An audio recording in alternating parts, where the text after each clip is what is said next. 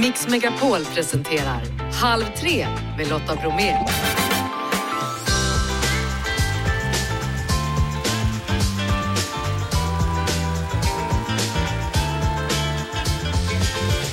Hallå där och varmt välkommen in i Halv tre-studion. I dagens onsdagsmix, Hammerbell, Takida spelar och Nicke från Backyard Babies är diskjockey. Vabruari, det är den första februari idag och vabruari är i full gång, eller kom den redan i december tro? Stugdrömmar heter ett nytt program som startar ikväll på kanal 5. Sofia Wistam, Mattias och Jonny uppfyller den svenskaste, svenskaste dröm, drömmen om ett torp. Över sju minuter, det är det nya svenska rekordet i att hålla andan, hör Jeanette som raderade ett 15 år gammalt rekord. Och Expressens Niklas Svensson tittar förbi med senaste nytt. Och så ska vi till Östergötland och hitta familjen som ska åka med på Mix Megapols fjällkalas. Nu kör vi hörni! Nicke Borg, ja, minns ni när han var med i Melodifestivalen? Han gör det, men han pratar inte gärna om det. Vet ni vem Mattias Larsson är? Jo, han spelar i Takida. Nicke Borg plus Mattias Larsson och lite fler folk, det blir Hammer Bell Tour. Jag tog in Nicke i studion häromdagen och så ringde vi Mattias. Ja. Hallå Mattias, hej det är Lotta och Nicke. Yes! Halloj! Tjena Mattias! Tjena! Ska bli kul att, att ses och, och turnera, men det ska vi prata om nu. Yes! Vi- börjar väl där någonstans. Eh, Mattias, vilket gäng ni blir som ska ut? Ja, absolut. Det kommer att bli en hel kväll. Det ska bli skitkul. Mattias är Ja. med på telefon från Sundsvall och Nicke här i studion. Ha, har ni hängt mycket innan Nicke eller? Ja, faktum är att vi, vi har ju faktiskt en eh, gedigen historia, jag håller på att säga, men vi har turnerat tillsammans. Vilken spelning minns du bäst Mattias, ihop med Nicke? Oj, eh, jag minns när vi träffades första gången. Då, då var du lite krasslig, Nicke. Och sen när turnén drog igång, då hade du börjat mått mycket bättre. Ja, precis. det, det var fantastiskt att se. Det var det var milt uttryckt det där utav det. Jag, jag kommer ihåg den här eh, Backyard Babies Takida-turnén då, då. Jag hade precis blivit eh, nykter och drogfri där, va? så att jag var ju lite som en liten ja, ko på grönbete, eller tvärtom, jag vet inte. Så hur laddade är ni nu då för att sticka ut och spela? Alltså, vi är ju supertaggade. Det ska bli jävligt skoj faktiskt. Ja, eh, Nicke, du kommer alltså vara då som ett klister mellan akterna och håller ihop kvällen så att det aldrig ska behöva bli en lugn stund om jag förstått det Nej rätt. precis, det här är ju en väldigt speciell turné för mig för att det är ju första gången på väldigt länge faktiskt jag eh, inte spelar gitarr eller sjunger. Jag ska ju vara DJ då, eller party starter som det Ja, heter. hur hur funkar det? Är du bra på det? Ja det är jag faktiskt, men det var ett tag sedan nu så jag är också väldigt taggad på att åka ut på den här grejen. Jag tycker det känns som det är en liten, liten festival som, som Mm. åker runt sådär. Och jag hoppas att alla har förstått liksom, i, i, i publiken, eller vad man ska säga, vilken helkväll det här kommer att bli. Att man sover bra och vilar upp sig innan.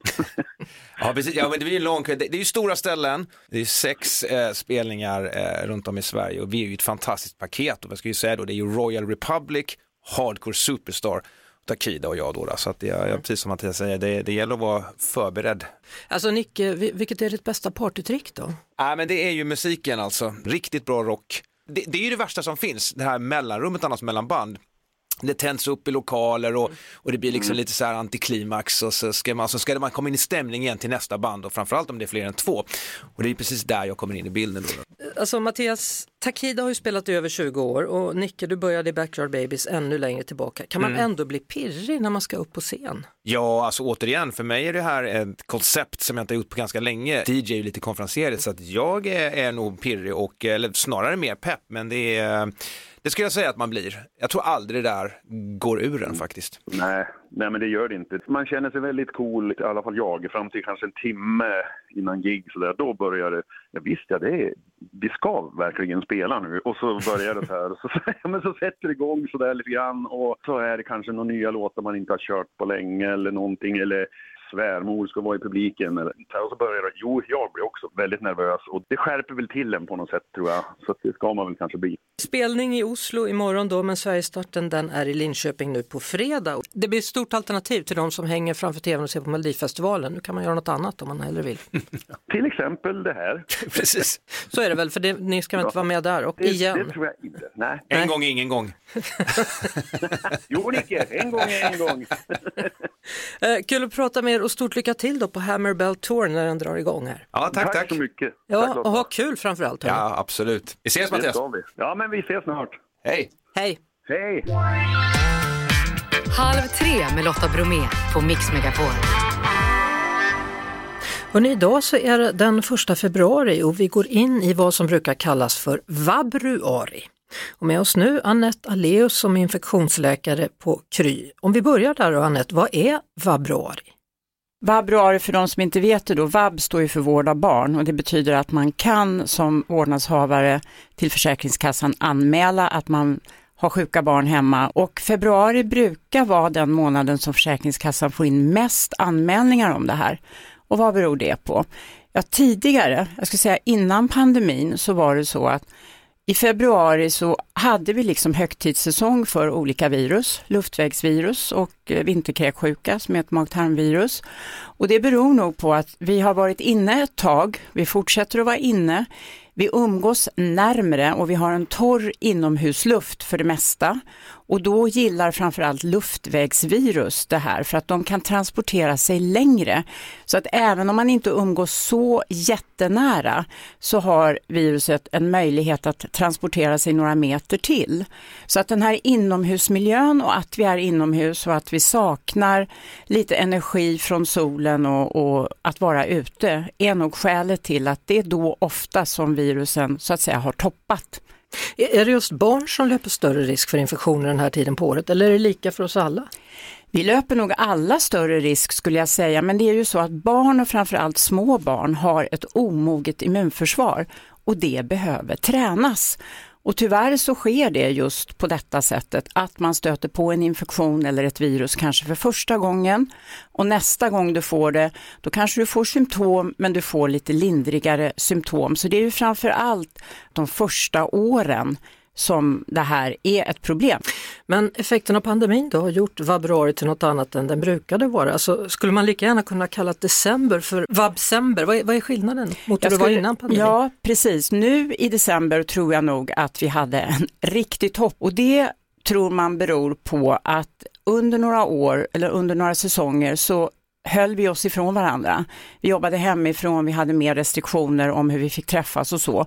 De små barnen träffade nästan inte på de här infektionerna, i alla fall inte på samma sätt.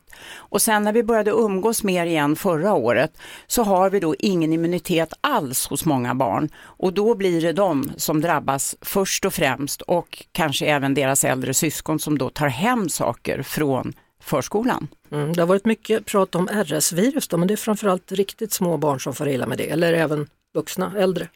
Det är ju de riktigt små barnen och de vi brukar kalla äldre äldre numera, alltså de som kanske är över 80 år och de som har andra riskfaktorer som vi har lärt oss från covid.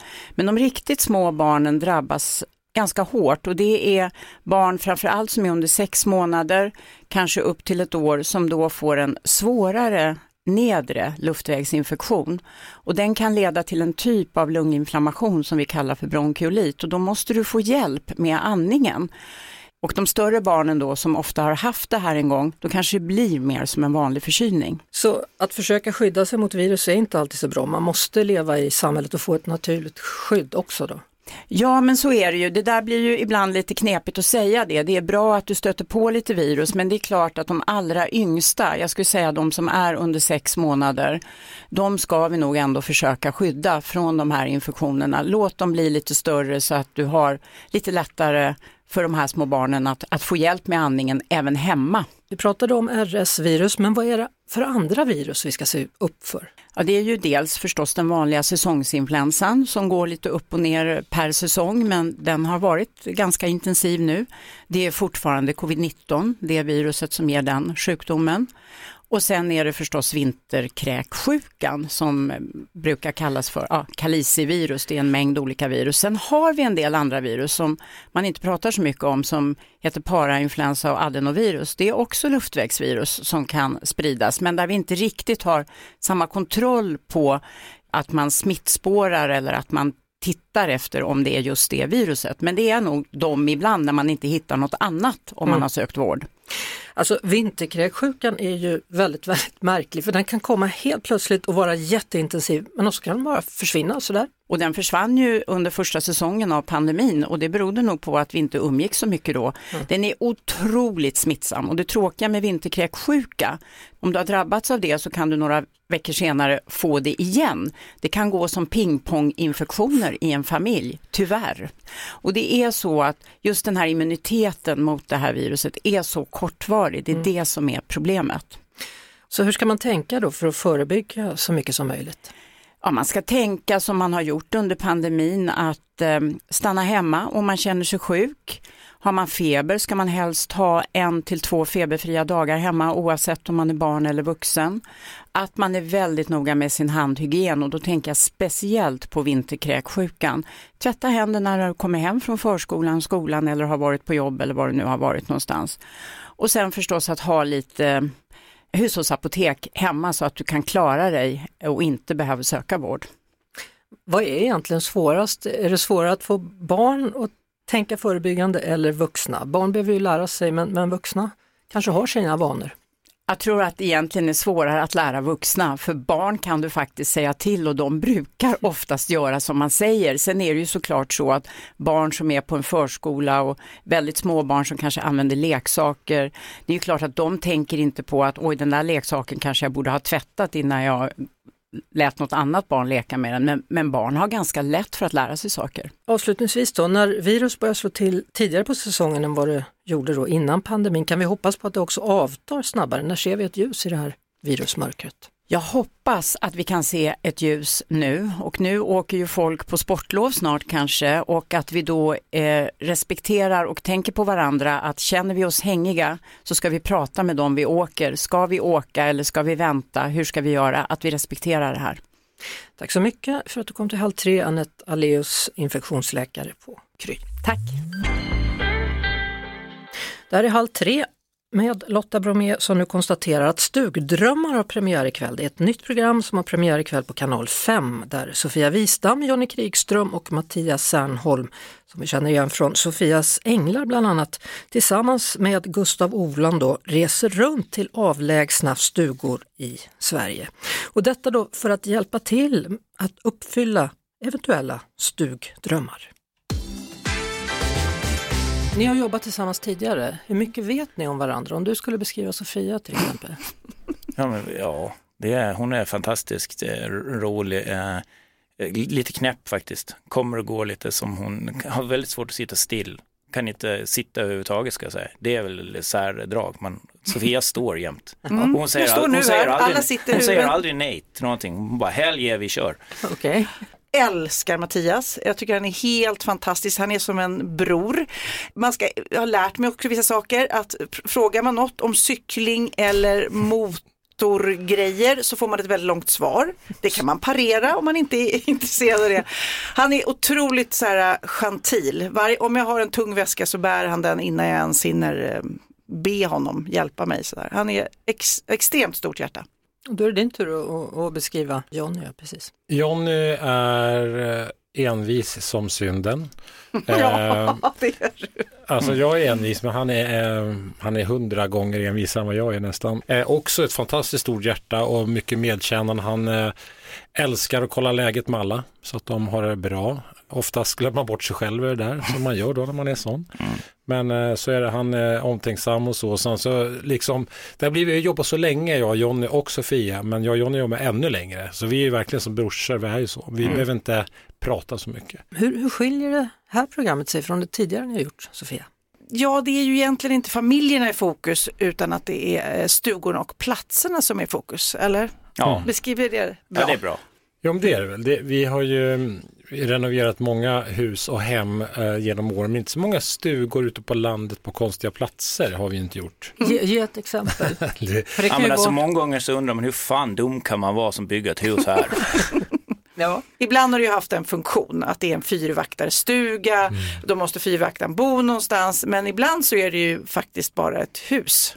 Men de, de, mest, eh, de konstigaste platserna, det har ju varit just eh, kanske ett ändamål en gång i tiden. Uppe, långt uppe vid riksgränsen nästan uppe på ett fjäll där mm. står en stuga som inte är närheten av någonting faktiskt. Det är kilometrar till närmsta typ väg. Det är alltid fascinerande hur folk fick dit det ja, de byggde verkligen. med. Hur, hur vilken, gjorde ni? Vilken byggmardröm. Vi hade ju helikopter liksom. Det, På riktigt? Ja, det hade ju inte de. nej, ja. nej, det, det är fascinerande just med den här som Mattias nämnde, det ligger ju i Kuckelfjäll. Den byggdes ju i Dalarna. Och sen fick de för sig, men den där ser ju lite fin ut, den ska vi ha. Mm. Så de forslat den liksom från Dalarna 100 mil upp i, i ja. lappmarken. Det var en gruvfogde då som eh, behövde någonstans att bo för de skulle bryta malm. Sen så gick det inte så bra, så då stod stugan kvar men gruvan lades ner. Alla de här stugorna är ju någons dröm eller någons arbetar, arbetarbostad någon gång i tiden. Och det är häftigt att få sätta tänderna dem så många år senare och på de platserna. Det är ju mm det är ett vykort vi kommer leverera från varje av de här platserna som talar om att den här platsen finns också i Sverige. Alltså man har ju blivit helt förälskad i Sverige, ja. så många vackra platser. Men jag tror också alla som har stugor tror jag kommer tycka om det här programmet för de kommer liksom se möjligheter mm. för att man kan göra små grejer och det behöver inte vara dyrt och extremt men som gör en stor skillnad på den där lilla stugan. Alltså vad, vad är den här fascinationen som vi svenskar har med just stugor. Varsågod. Ja, men, Johnny räcker upp ja, jag, jag, jag, tänkte på det där i, i, i, bilen på väg hit, att vad det är som är så fundamentalt med just med stugor. Men jag tror, jag, jag kan bara gå till mig själv, det finns en sån här trygghet i att komma ut till sin stuga. Det känns som att det finns ingenting ont i världen som kan, som kan komma åt en. Och det där är så medärvt för det är så otroligt många i, i Sverige som har haft för, för föräldrar som har haft stugor. Så att när man väl det, det, liksom, det är en otrolig trygghetsfaktor, mm. den här stugan. Även fast det kan vara otroligt primitivt med utedass och inte rinnande vatten. Det, är nästan, det nästan förstärker det trygga. Det var så häftigt. Den sista stugan vi var och spelade in i för två veckor sedan mm. i Lappland. Då hittade vi ett kassettband som vi lyssnade på där eh, en tidigare ägare hade spelat in sig själv när han berättade om stugan och då berättade ju han att familjen var ju där och första världskriget drog igång och de visste inte ens om det, för de var så avskärmade så att de fick inte ens rapport om Ingen det förrän någon ja. passerade. Och sådana historier är så häftiga att ramla mm. över. Mm. Jag tror att man smiter till sin stuga för att bryta upp i din vardag man har tror jag. Mm. Jag tror absolut att det är en trygghet också, men jag tror så här, man lever i sitt ekorrhjul, åker och jobbar, krigar och sliter och det är barn på dagis och fotboll och allt vad det är. Och så har det väl alltid varit att folk har fullt upp och sen längtar man till att bara bryta upp, åka ut i sin stuga och inte göra någonting. Om, om nu någon sitter framför radion och känner sig, ja men jag har ju tänkt på det här med stuga jättelänge, nu är vi i en jättetråkig situ situation rent ekonomiskt då, mm. de flesta av oss. Men, men ändå, man, bara, man kan ju ändå drömma. Man kan alltid drömma. Ja. Och då är frågan, hur pass okej okay, torp måste man välja för att det ska vara värt det? Alltså hur mycket renoveringsbehov kan ett litet torp ha? Ja, det, det, kan vara jättemycket. Men jag tror så här, svaret på frågan är lite svårt. Men jag skulle säga så här. Jag tror inte det behövs mycket till torp eh, ekonomiskt för att komma ifrån. Eh, det kan vara väldigt billigt. Man kan hitta torp på de mest eh, konstiga ställen till nästan inga pengar. kan man göra Och så kan man hitta väldigt dyra stugor på fina ställen.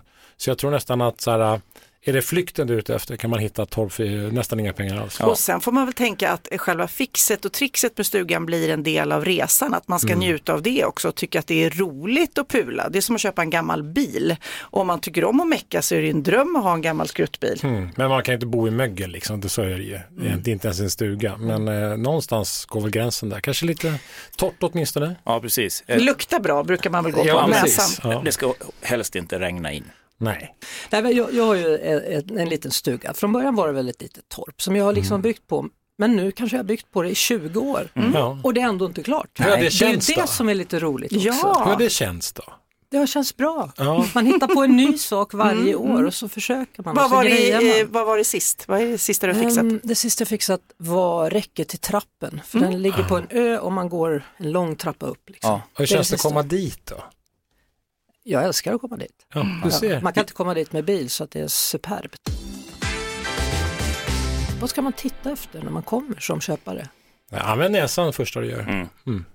Så titta inte så mycket utan lukta lite och se hur det luktar. Det luktar bara mögel och fukt sådär som en gammal jordkällare då, då får man vara lite försiktig. Då kan man nog bara backa ut faktiskt. Ja, och sen är det väl som alla bostäder, läge, läge, läge. Alltså man ska väl tänka att här är någonstans dit jag vill åka, typ. Du är ju sugen på fjällen Mattias, du vet du lockas av skidor och skoter eller vandra. Så att man hittar ett läge som passar en. Alltså när är det dags att riva och bygga nytt då? För man kanske har fått en fin tomt i alla fall. Ja, Det är när det luktar sådär jordkällare. Alltså, Alltså då kanske man ska, om man väl tycker att läget är fantastiskt, då kanske man ska ta dit en expert som gör en utvärdering och säger de att det är mm, alltså, jättedåligt med mögel och skit, då är det bara riva. Men det här uttrycket putsa en bajskorv, när man, inte. eh, när man tänker så, då kanske det är dags att Men vi hade, vår, vår stuga var ju så, det var ju liksom min farmor och farfar som byggde på 40-talet och det, det var ju liksom en liten, en liten pärla men så vi hade tre bock i det så det var ju bara att bränna upp skiten. Det var det enda man kunde göra men det tog ju emot innan vi väl gjorde det. Jag kan säga att jag, jag eh, i, min stuga så fanns det inga träbockar men däremot visade det sig att några getingar hade byggt ett, bord, eh, ett bo och det var just en av de här bärande eh, i taket. Så att det var ju bara att riva ner allt det där. För de, de äter ju grejer Ja, också, de- getingar. Vi, de gnager lite trä de där om de får hålla på tillräckligt länge. precis. Och sen är det det där med, behöver man ha rinnande vatten eller kan det finnas en tjusning med att man Frågar du mig Lotta så har jag väldigt svårt eh, att gå på utedass. jag hatar utedass! Så man måste lösa en toalett. Det finns ju andra former av toaletter. Då Men... kan jag säga det tog mig några år. Mm. Men nu har jag dragit in vatten, men det är ganska dyrt faktiskt. Speciellt Ja. när man bor på en ö, det ska man ha koll på. men är det inte helt underbart nu när du har det? Eh, Det är helt okej. Mm. Ja, men alltså det är ju rätt fantastiskt att bara sitta på ett utedass och dörren upp. Ja, det är bra. Ja. Nej, men drömmen om stugan den finns hos oss alla. Det är någonting, eh, man blir lite romantisk och ler lite fånigt när man tänker på det. Och det är väl eh, exakt det det handlar om i stugor. Att man har det lilla fåniga leendet och den lilla drömmen. Ja. Och de stugorna vi besöker, alltså de ligger på så otroligt vackra platser så att eh, Tycker ni om vackra platser ska ni titta på det här programmet. Hörrni, Sofia Wistam, Jonny Krikström och Mattias Sernholm, stort tack för att ni kom hit och berättade om nya programmet. Det låter väldigt spännande. Ja. Stugdrömmar. ja, Ja, det är spännande. tack för att ni kom. Tack. Halv tre med Lotta Bromé på Mix Megapol. Då vill jag upplysa om att det i helgen tävlades i att hålla andan så länge som möjligt under vatten, så kallad statisk apane. Och Jeanette Molnar hon slog ett nytt svenskt damrekord med 7 minuter och 7 sekunder. Hallå Jeanette! Hallå, hallå. Jaha du, hur kommer det sig att du börjar med det här sporten? För man kan kalla det för sport eller? Ja, absolut att det är en sport. Ja, varför jag började? Jag har alltid tyckt om att vara i och under vattnet. Och för några år sedan så hörde jag talas om fridykning. Och eh, den vägen är det. Då är statisk apné en gren i fridykning. Och det har varit kul att se vad kroppen klarar. Det har varit en stor nyfikenhet kring det, hur länge man klarar att hålla andan. Och sen så har jag ju fantastiska klubbkamrater som jag tränar ihop med som gör det hela extra roligt också. Det, det är kul att du säger tränar ihop med, så ni träffas då en gång i veckan och tränar på att hålla andan? Oh ja, vi träffas eh, mer än en gång i veckan. Vi träffas till fyra gånger i veckan och ligger still och håller andan i en simbassäng. Jaha. ja, så det är hårdträning med andra ord? Oh ja, det här är hårdträning och mellan eh, passen i simhallen så ligger vi hemma i våra soffor och håller andan också. Hur är det när du sover då? Har du sömnapné också? Nej, det besväras jag inte av, så det är, det är lugnt. Ja. Alltså tiden då i helgen var 7 minuter och 7 sekunder och från början tänkte jag att vi skulle hålla andan direkt i telefonen men sen tänkte jag att det blir inte så bra radio, det är väldigt tyst. Liksom. Men vad, vad, har du för Ja. teknik? Vad tänker du på när du liksom stänger munnen och, och- och näsan eller hur man nu gör? Ja, man stänger munnen så man näsklämmer på sig, eller jag har det i alla fall. Och tankarna är väl, men ta det lugnt, njut här första tre minuterna innan det börjar bli jobbigt. Och jag försöker liksom tänka positivt, peppa mig själv att jag klarar det här. Det är väldigt skönt om tankarna bara försvinner iväg och man kan tänka på vad som helst liksom under de här första tre minuterna. Mm. Det kan vara allt från vilka skor man ska köpa till eh, vad man ska äta till middag sen eller sådär. Och sen när man börjar närma sig 7 minuter då börjar man bli medvetslös. Nej. när, man, när jag närmar mig runt fem minuter så brukar mina negativa tankar dyka upp så här, men det här, det här kommer inte gå, du kan ge upp. Men då får jag koppla på liksom att nej, nu peppar jag mig själv här, det ska, jag ska klara det här. Och sen så när jag närmar mig eh, sju minuter där så är det bara helt inställt på så fight mode. Nu, nu, nu ska jag klara det här. All in, bit ihop, kämpa lite till. Var det nytt rekord alltså i helgen? Ja, så det här var ett, jag tror nästan 15 år gammalt svenskt rekord som jag slog nu. Du tog ju silver i SM i det här, för det finns faktiskt svenskt mästerskap. Så nu antar jag att du satsar på guldet då, nästa gång det är SM? Ja, absolut. Det hade varit kul att ha. Sen så nästa stora tävling det är ju VM i Sydkorea här i juni. Ska du åka? Men, jajamän, klart att jag åker dit. Jag har kvalat in till landslaget så jag åker. Ja, om nu någon vill börja med sån här statisk apnea, har du några tips? Hur gör man? Det allra första jag vill säga det är att inte ligga i badkaret eller simbassängen bara rätt upp och ner utan eh, prova hålla andan när du ligger i soffan eller i sängen. Och om det verkar roligt, gå med i någon klubb är mitt största tips här. Hur vet man om man har talang för det här? Hur skulle jag kunna kolla det? Ja, det, det, det gäller ju att vara avslappnad i stressade situationer. Så att, eh, den var inte svår att svara på faktiskt. Jag tror man får testa och prova sig fram och se hur det går, om det liksom känns lugnt och okej. Men det här är någonting som går att träna upp väldigt mycket. Så att eh, jag var inte avslappnad eh, innan. Jag kunde hålla andan eh, kanske 3-4 minuter när jag började med den här sporten och då var jag inte alls avslappnad. Så att det här tränar man ju upp liksom. Så, där höll jag andan. Då är jag klar.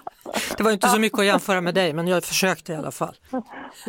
Jeanette, ha nu så jättemycket tur och lycka till och träna så att du tar hem det där guldet i VM då så småningom i Sydkorea. Ja, det... Oh, nu satte du press på mig, men jag ska försöka. Det är klart du ska. Tack för att du var med i Halv tre, Jeanette. Ja, tack så jättemycket. Jeanette Molnar alltså, som i helgen slog svenskt rekord i att hålla andan i statisk apnea, det vill säga hålla andan under vatten. Tiden? Jo, 7 minuter och 7 sekunder. Halv tre med Lotta Bromé på Mix Megapol.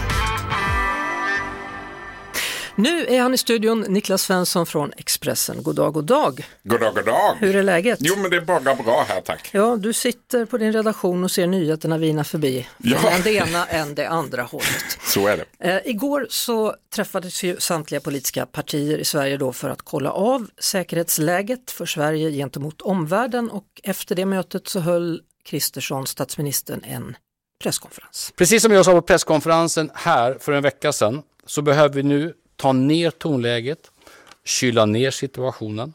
Partierna i Sveriges riksdag behövde också få den information som beskriver allvaret i situationen på det sätt som den förtjänar för att gemensamt kunna bidra till att stärka arbetet för svensk säkerhet. När man gör en sån här presskonferens, blir man då som svensk mer orolig eller blir man lugnad? Vad tror du? Eh, jag tror att ganska många är oroade över säkerhetsläget överlag eh, och att man inte blir särskilt lugnad av den här presskonferensen. Men, men syftet med den var nog att skicka signalen att man har läget under kontroll.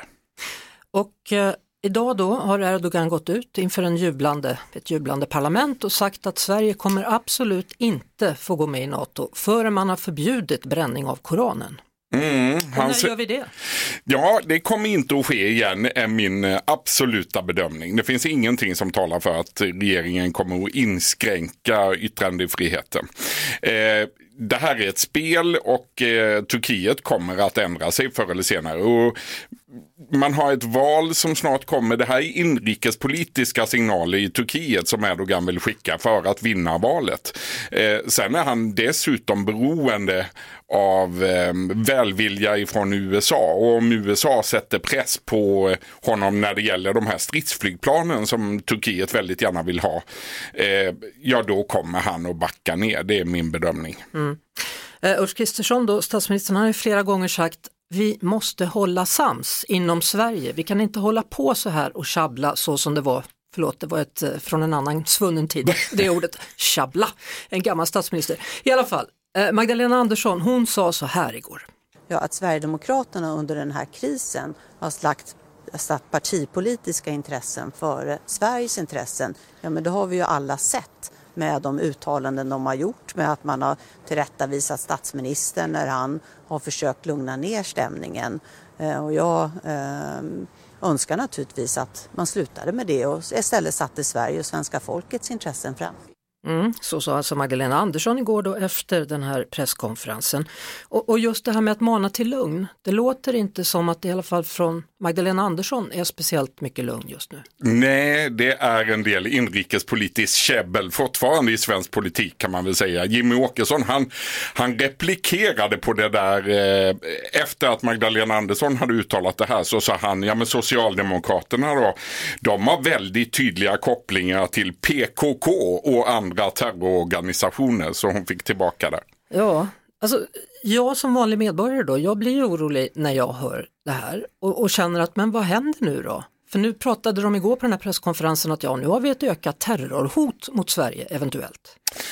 Ja, precis. Och det är väl inte alls otänkbart. Alltså, vi såg ju vad som hände i Danmark efter Mohammed-teckningarna och lite den situationen är ju vi på väg mot när det blir stor uppmärksamhet i arabvärlden kring de här koranbränningarna. Det är klart att det finns anledning att vara, precis som statsministern säger, att, att eh, dra ner tonläget något. Mm. Så nu har det gått över hundra dagar då hur har statsministern och hans regering haft det de här första hundra dagarna? De har väl, kan man väl säga, haft det ganska tufft och de har inte lyckats infria speciellt många av sina vallöften. Jag tänker på eh, elstöd, jag tänker på NATO-ansökan som vi precis har pratat om, jag tänker på gängskjutningar och explosioner som har varit fler än någonsin. Nej, det är ganska tufft. Det är tuffa tider. Mm -hmm. Tack så mycket för den här gången Niklas Svensson, ja, Expressen. Hörrni, det är onsdag och det betyder att vi fortsätter på temat UF-företag, unga företag som vill göra skillnad i samhället. Förra veckan så hade vi en sovmask för bättre psykisk hälsa och den här veckan har vi också då fokus på psykisk ohälsa. Och det här ihop med UF-företaget Du är inte ensam UF som drivs av Embla och Alma. Och deras idé är en podd om psykisk ohälsa och semikolonsmycken. Välkommen Embla Hammarström! Hej, tack så mycket. Eh, berätta för mig, varför just semikolonsmycken? Ja, semikolonet är ju en symbol som står för att man stöttar folk som har psykisk ohälsa. Och det betyder själva symbolen då att det kan vara någon som har försökt ta sitt liv men sen valt att leva vidare? Ja, precis. Hur kom ni på idén att det var det här ni ville göra? Eh, ja, från början så hade vi lite svårt att komma på vad det var vi ville göra. Men vi visste att vi ville jobba tillsammans för vi är väldigt bra vänner. Eh, så vi började prata lite om vad vi har gemensamt och vi har ju båda eh, en väldigt så här, stor eh, kontakt till psykisk ohälsa. Ehm, och vi tycker det är ett ganska intressant ämne och vi vill hjälpa fler som har samma problem. Mm. Och så vi tänkte att det lättaste sättet och det bästa sättet att göra det på det är att prata direkt till de som behöver lyssna och någon som behöver någon att prata med. Ja, alltså du säger att ni har varit i nära kontakt. Betyder det att ni två också har mått dåligt eller är det kompisar till er som har haft det jobbigt? Det är både och. Vi har båda haft lite olika problem och sen eh, egentligen vi tänker ju att alla har någon form av, eller alla mår ju dåligt någon gång. Absolut. Eh, så alla kan behöva eh, någon att prata med och någon att lyssna på. Speciellt i tonåren där tänker jag, när det är så mycket känslor på en gång som man kanske inte riktigt har lärt sig sortera. Ja men precis. Ja. Eh, hur har responsen varit då? Vi har fått ganska bra respons. Det är många som har skrivit till oss att det är en bra idé eh, och att vi faktiskt har hjälpt eh, människor att både prata om det och att må lite bättre. Så det är jättekul. Ja, det förstår jag. Det finns ju inget finare än att man kan vara ett stöd för någon annan. Nej, exakt. Hur ser ni på framtiden då med det här företaget?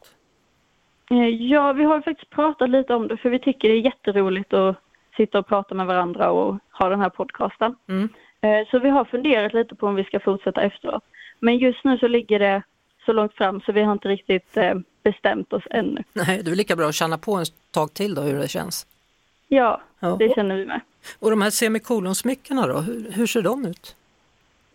Ja, de, vi har dem i färgen guld och silver eh, och de är gjorda av rostfritt stål, eh, ringarna då. Och sen har vi också halsband som är i guld och silver. Mm. Eh, de är ganska minimalistiska kan man säga. Ja, jag tycker det låter som en bra grej. Ja, ja mm. tack så mycket. Hälsa till Alma då, Embla Hammarström och eh, stort lycka till till er båda framöver. Tack, tack, det ska jag göra. Mix Megapols fjällkalas närmar ju sig. Den äger rum då, eller kalaset äger rum mellan den 9 och 12 februari, det vill säga nästa vecka. Då då. Fyra personer får stuga, middagar, liftkort, skidhyra ingår och så blir det livesändningar för oss som jobbar med radio och artister som är med då. Marcus och Martinus, Molly Hammar och Arvingarna snacka om uppställ. Eh, dagens landskap. Ja, nu hamnar vi öster om Vättern. Det betyder att vi är i Östergötland. Eh, vi ska kolla här, vi har några stycken. Magnus Dahlin till exempel, hur är läget med dig? Bara bra, tack. Jaha, bara bra tack. Du bor i Kolmården, är det så? Ja, men det stämmer bra. En fantastisk liten ort. Ja, hur kommer det sig att du är sugen på ett fjällkalas? Det är väl alltid trevligt att få åka lite skidor. Är, är du bra? Och så skulle, ja. och så skulle barnen bli väldigt glada för det, tror jag. Ja, och frun, vad tycker hon? Jo, men hon tycker också att det är kul. Sen, eh, hon är väl inte riktigt lika biten som vi andra. Nej, men hon jobbar tydligen som, som sjuksyster, var det så? Är bra. Så då kan hon behöva ett litet break, kan det vara så? Ja, hon sliter på, på en vårdcentral men det, de är, har ju en tuff verklighet som de lever i. Ja, men precis. Du, dina barn då, har du bra kontakt med dem? Tycker de att du är en cool pappa eller hur är de? Ja, det väl, ja, jag försöker ha en bra kontakt, absolut. Sen tycker väl framförallt den äldsta tonåringen att man är en gammal gubbe, men så är det ju när de är 16. Ja, hur gammal är du då? Tonåringen, ja. jag är nyss fyllda 50. Jaha, och vad sa 13-åringen då? Nej, men han tycker väl att det vore kul att få åka skidor. Han tycker väl att jag är rätt okej. Just nu så är jag faktiskt på väg att köra honom till en träning så att det är mycket ställa upp så för dem. Jaha. 16-åringen då, tror han kan tänka sig att åka med en, en gubbe upp i fjällen eller? Ja, han brukar göra det. Sen, sen är det ju alltid eh, en viss muta som kan behövas. Ja, och mutan i det här fallet då är att du får en resa och allting inkluderat för hela familjen. Grattis! Ja, eh, jag tror det. Och att han här, kan slippa skolan någon dag på gymnasiet. Det, det är nog det som ägrar. Ja. Magnus, jag tror inte du förstod riktigt vad jag sa till dig. Jag sa grattis, du har vunnit resan för din familj. Är det sant? Ja, det är sant. Tack så mycket! Ja. Då kan du hälsa sonen som sitter i baksätet då att han får börja packa så småningom här. Absolut, ska vi göra. Ja, och så meddelar du eh, 16-åringen att gubben inte är så dum i alla fall. Ja, verkligen. Vi ses i Sälen. Tack. Stort grattis. Ja, men det gör vi. Hej, hej. Tack, tack. Det var det. Vi hörs såklart igen på Mix Megapol varje eftermiddag vid halv tre. Ett poddtips från Podplay. I fallen jag aldrig glömmer djupdyker Hasse Aro i arbetet bakom några av Sveriges mest uppseendeväckande brottsutredningar. Går vi in med hemlig telefonavlyssning och, och då upplever vi att vi får en total förändring av hans beteende. Vad är det som händer nu? Vem är det som läcker? Och så säger han att jag är kriminell, jag har varit kriminell i hela mitt liv men att mörda ett barn, där går min gräns. Nya säsongen av Fallen jag aldrig glömmer på Podplay.